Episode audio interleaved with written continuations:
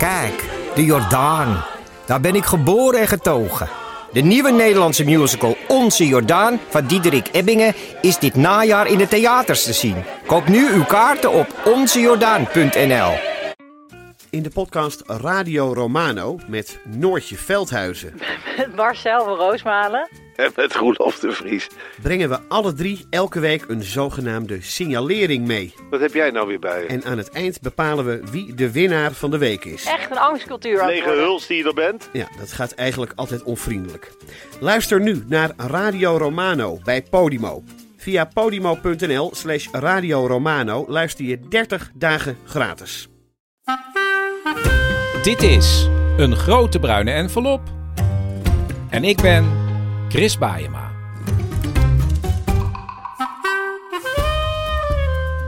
Afgelopen weken hebben 35 van mijn luisteraars meegeholpen met het verspreiden van 200, ja bijna 250 enveloppen in Nederland. En op elke envelop zit een brief aan de vinder met de vraag eh, ja, of de vinder mij iets terug wil sturen.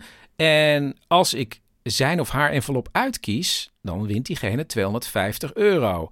Eh, maar ik zoek natuurlijk iets speciaals om een maand mee op avontuur te gaan. Ehm, de luisteraars die verspreiden, die eh, had ik gepromoveerd tot provincievertegenwoordiger. En ik heb even bijgehouden waar ze allemaal enveloppen achterlieten. eh, op bankjes in parken, bij kerken. Heel vaak onderaan standbeelden. in winkels, bibliotheken. Vaak ook bij kastelen.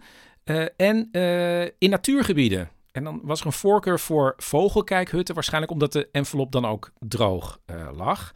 Eh, stations, maar de allermeeste enveloppen werden gelegd bij weggeefbibliotheekjes. Die poppen overal op in Nederland. Laten we even luisteren naar een paar vertegenwoordigers die audio opstuurden.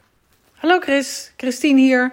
Mijn man Pim en ik hebben enorm veel plezier beleefd aan het verspreiden van de enveloppen over Noord- en Zuid-Beveland. Het is niet een deel van de provincie waar we zelf wonen. Sommige mensen leggen gewoon een envelop neer en rijden door. Anderen, zoals vertegenwoordigers in Limburg, houden alles in de gaten. Nou, eh, hoi Chris. Wij zijn Jacques, Lisette en Maren. En wij zijn bezig vandaag met het eh, verstoppen van eh, enveloppen. En we hebben zojuist het één envelop verstopt. Waar we het verstopt Maren? In een boscafé. En we zagen dus iemand een, eh, de envelop pakken. Hoe zag die meneer eruit? Eh, die meneer had wat tatoeages en had ook een soort van... een hoe noem je zo'n ding? Een hanekamp bedoel je? Een soort van hanekamp? Ja, een soort van. Maar hij was wel gewoon heel aardig, dus dat was wel leuk. Zeker. Nou, op naar de, de volgende envelop dan, hè?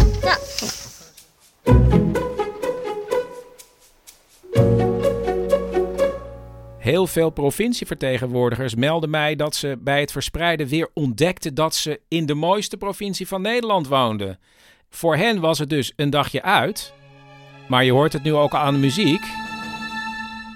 Mieke uit de provincie Overijssel ging opnames nemen als een soort James Bond om te kijken of de envelop die ze had neergelegd in de bibliotheek werd meegenomen door die man.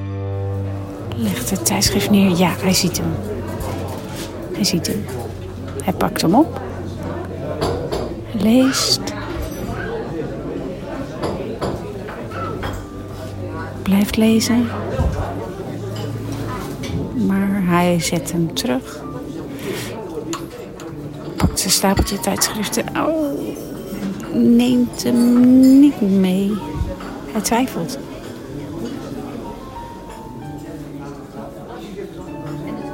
Leest nog een keer, heeft hem teruggezet, kijkt om zich heen. En loopt weg. Kijkt mijn richting op. Nee, hij kijkt helemaal niet mijn kant op. Hij loopt nog een keer terug. Hij twijfelt. Nee. Nee. Hij pakt zijn stapeltje op en gaat ergens anders zitten.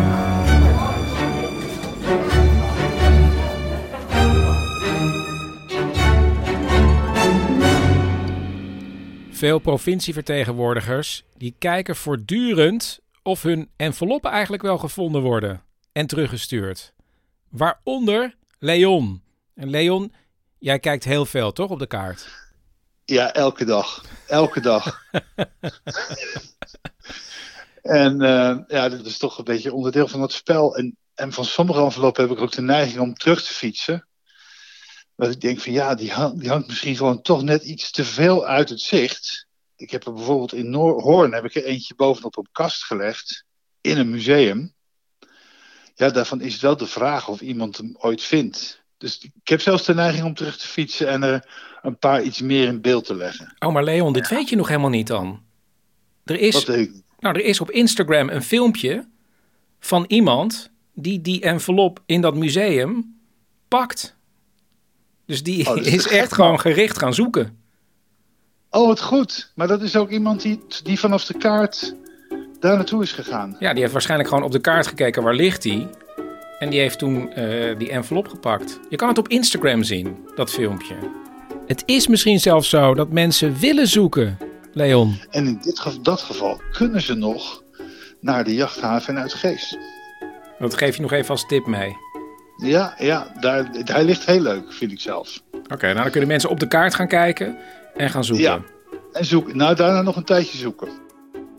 Chris. Ja. Zullen we anders even ja, lukraak wat dingen opnoemen die zijn teruggestuurd? Ja, dat is goed. Begin jij of ik? Ik begin.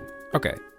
Een vaccinelichtje, een haar of een draad, een soort klokje, een oude advertentie, ballonnen, een zwart-wit foto van een gezin voor een huis, een brief in spiegelschrift, een blauw elastiekje op een foto, een scheermesje, een tekening met het woord trust, een pillenzakje van een apotheek, haar van een konijn, een folder van een hikingcollectie, een krant van 22 juli 1969, gebreide of gehaakte hartjes, een sleutelhanger met een klein mondharmonicaatje, een allereerste aquarel van een tuin, een molenkoek, een gedicht van Charlotte Mutshaars met foto's van een gezin, een foto van een merklap uit 1900, een vlag uit een jongerenhok, een kopie van oude Donald Ducks, een folder van een heemkundevereniging in Heemsbroek. En een heel klein vogelveertje.